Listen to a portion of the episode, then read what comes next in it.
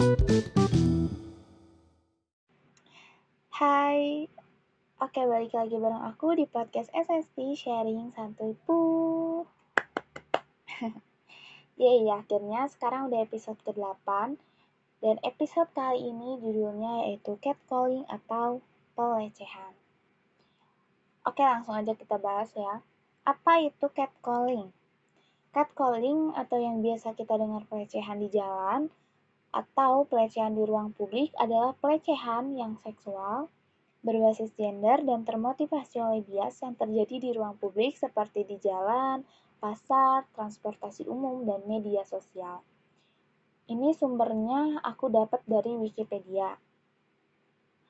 Aku juga baru tahu sih ternyata di media sosial juga ketikan-ketikan jari menggoda itu bisa termasuk catcalling ya. Yang aku pikir tadinya catcalling cuman ya pas berpapasan doang. Tapi ternyata di media sosial juga ada. Apalagi di zaman kayak sekarang ya apa-apa medsos itu bahaya sih. Buat kalian yang nggak tahu apa sih contoh-contoh yang termasuk catcalling ini aku ada beberapa. Uh, aku dapat sumbernya dari Google juga yang pertama itu bersiul. Bersiul dengan menggoda, dengan nada menggoda. Ini udah lumrah sih. Aku yakin semua orang tahu, walaupun ini hal sepele, ah cuman bersiul, tapi ternyata bisa menimbulkan bahaya loh. Aku pernah baca satu kasus di salah satu sumber juga di Google ada satu perempuan lagi jalan sendirian, posisinya sore hari, terus ada dihadang sama beberapa cowok muda. Satu satu di antara cowok itu awalnya bersiul. Karena si ceweknya risih, si ceweknya ngeludah, cuh. Kepancing lah yang lain. Terus bilang, aduh, Neng, sini atuh abang temenin, kayak gitu-gitu ya terus si ceweknya emosi mungkin ya karena risih karena apa ya kesel mungkin. Terus si ceweknya bilang berisik lo. Dan ternyata kalimat berisik lo itu bisa nyebabin bahaya loh. Kalimat-kalimat melawan itu bisa nyebabin bahaya. Pokoknya akhirnya si cewek itu berujung di perkosa. Ih serem banget sih ya. Mau melawan mau ngelawan takut juga mau diem aja. Ya gimana ya orang direndahin orang yang kita diketrekin istilahnya ya. Itu salah satu kasus yang aku baca serem banget sih. Takut juga ya. Nanti aku bakal ceritain tentang pengalaman salah satu pengalaman seseorang tentang dilecehin. Oke langsung lanjut aja. Yang kedua mengklakson perempuan di jalan aku baru tahu ternyata mengklakson perempuan di jalan itu bisa termasuk catcalling loh. Jangan dianggap sepele. Karena ya itu tadi, ujungnya bisa nyebabin ke arah pemerkosaan. Yang ketiga, menggoda dan melontarkan ucapan bernada seksual pada perempuan tak dikenal. Nah, kalau ini udah bahaya sih. Ini udah banyak juga kejadiannya di mana-mana kejahatan catcalling ini di mana-mana karena sebagian besar masyarakat nyepelein tentang catcalling padahal dampaknya bahaya banget. Dampak catcalling ini bahaya sih. Nih ada salah satu yang sering kejadian mungkin yang kayak Hai cantik mau ke mana? Hayo abang temenin atau Hai sendirian aja nih kayak gitu-gitu nih buat kalian cowok kan biasa yang biasanya ngelakuin catcalling itu cowok ya. Buat kalian cowok-cowok please gak boleh gak boleh ngetrekan ya kalau bahasa Sundanya. Gak boleh sembarang ngetrekan cowok ngetrekan cewek. Karena gak semua cewek itu bisa digituin. Mungkin buat cewek-cewek yang ya yang sering gaul yang hura-hura ke sana ke sini.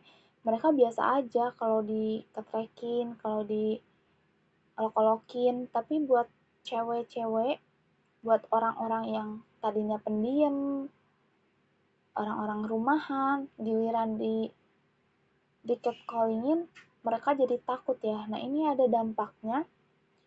Yang pertama itu mengalami rasa malu dan trauma. Ya gitu tadi. Jadi si orangnya kayak malu risih trauma aja takut aja. Yang kedua tidak percaya diri. Dia jadi nggak percaya diri buat jalan sendiri. Takut ya itu sih ya salah satunya takut. Dan enggan bepergian keluar. Biasanya buat orang-orang yang udah kena catcalling parah mungkin kalau kayak bersiul terus uh, hai cantik mau ke mana? Itu nggak akan gimana banget ya. Tapi kalau udah udah lebih parah kayak menjurus ke apa sih nyolek nyolek itu bisa sih bisa bisa banget buat si orang itu jadi takut buat keluar rumah. Dampaknya ke mental sih. Menurut psikologi aku baca juga menurut psikologi dampak catcalling juga bisa berpengaruh pada mental manusia. Itu sih takut ya nah langsung aja aku bakal ceritain salah satu pengalaman seseorang. Jadi dia itu katanya waktu waktu kejadiannya SMP sekitar kelas 1 dia disuruh uh, ayahnya pergi beli gas sama mamahnya naik motor. Terus belum jauh dari rumahnya posisi belum jauh lah dari rumahnya tapi belum juga ke jalan raya motornya mati karena posisinya motornya lagi rusak katanya balik lagi lah anaknya. Si mamahnya nungguin motornya. Anaknya lewat jalan jalan pipir kalau bahasa ininya apa ya motong jalan. Kalau Sundanya motong jalan. Ke jalanan yang sepi karena biar deket ceritanya. Terus tiba-tiba ada bapak-bapak nyamperin si cewek ini.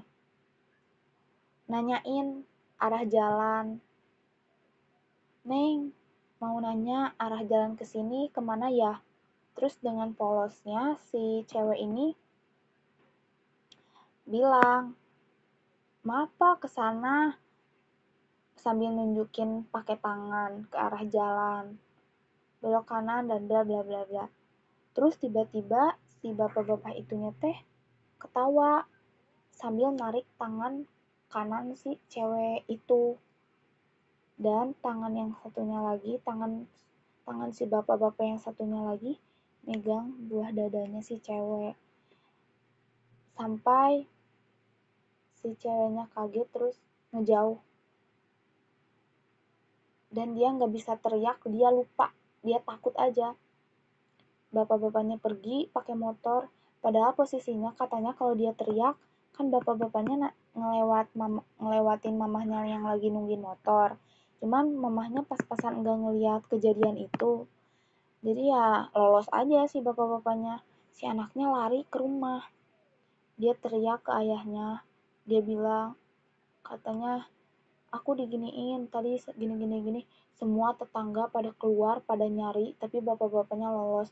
Si anak itu si cewek itu nangis dipeluk sama tetangganya yang cewek ibu-ibu katanya terus mamahnya datang sama ayahnya nanyain gimana kejadiannya? Si anaknya nyerita sambil nangis. Terus udah itu mamanya bilang kenapa nggak teriak? Kalau teriak kan mama mama cegah. Soalnya ya mamanya juga ngeliat gitu ngeliat si bapak-bapaknya ngeliat motor yang lewat ya cuman nggak ngeliat kejadian itu. Kata si anaknya ya gimana mau teriak orang kaget gitu Padahal kalau teriak juga di madrasah kan itu posisinya katanya di dekat madrasah. Ada ada tetangganya yang lagi tiduran juga bapak-bapak. Padahal kalau dia teriak mungkin bisa kejar, bisa ketangkep si orangnya, si yang ngelecehinnya. Cuman ya karena posisinya dia juga masih kecil ya, dia takut, dia kaget, ya gimana, dia langsung lari aja. Itu salah satu pengalaman dari seseorang yang gak akan aku sebutin namanya. Ah, gimana ya? Kalau aku ngedenger cerita gini ya takut aja ya. Bahkan sampai si anak itu hilang traumanya tuh sampai beberapa bulan. Pernah katanya dia waktu pergi sekolah, saking takutnya dan trauma kejadian sebelumnya, terus ada ibu-ibu yang nanyain jalan. Padahal sebenarnya ibu-ibu itu emang beneran nanyain jalan, tapi tiba-tiba spontan dia pegang dia nutupin dadanya dan dia lari ke sekolah. Dia gak jawab ibu-ibunya. Karena ya mungkin trauma ya sama kejadian sebelumnya. Sampai gitu terus selama berbulan-bulan katanya aku gak bisa aku jadi gak berani lihat orang baru aku suka nunduk menyendiri gitu. Ya takutlah pikiran-pikiran umur segitu ya. Ih serem sih ya. Di apalagi di zaman sekarang yang banyak banget bapak-bapak rata-rata bapak-bapak ya yang ngelakuin kayak gitu. Uh takut ya tapi ya namanya juga kejadian kita nggak bisa nyegah nggak ada yang tahu juga ya. Takdir mungkin. Tapi pokoknya balik lagi ke kitanya sih tetap harus jaga diri baik-baik. Oke segitu aja dari aku episode sekarang. Semoga bermanfaat semoga bisa menjadi pelajaran buat kalian lebih hati-hati lebih jaga diri baik-baik. Jangan pernah menganggap sepele catcalling karena bisa berujung ke arah bahaya bisa berujung ke arah pemerkosaan. Dan buat kalian, anak-anak muda, terutama laki-laki yang biasa bersiwol sama cewek atau biasa ngetrekin cewek, please stop karena itu beda-beda ya orang-orang yang responnya itu beda-beda gimana kalau kalian ngetrekin ke orang ke cewek atau ke orang yang gampang trauma jadi stop stop ngelakuin catcalling. Segitu aja, tetap jaga diri baik-baik. Di zaman sekarang, apalagi di zaman sekarang kejahatan itu merajalela. Kejahatan itu di mana-mana. Aku sering juga ya dengar di berita anak di bawah umur, anak 4 tahun diperkosa. Terus ada yang diperkosa sama ayahnya sendiri. Ih, ngeri banget sih, serem banget. Pokoknya hati-hati buat kalian tetap jaga diri baik-baik di mana pun kalian berada, itu sih lebih berhati-hati sama orang yang belum kita kenal. Oke, segitu aja. Aku ngeri sih ya denger cerita ini. Aku juga jadi harus lebih jaga diri lagi, apalagi di usia-usia remaja. Oke, terima kasih. Oh iya, uh, buat kalian yang ngasih kritik sarannya buat aku, terima kasih banyak. Kasih terus kritik dan sarannya buat aku, supaya podcast aku makin sini makin baik lagi. Oke, okay, terima kasih. Tetap stay safety, karena sekarang pandemi juga makin meronta-ronta katanya ya.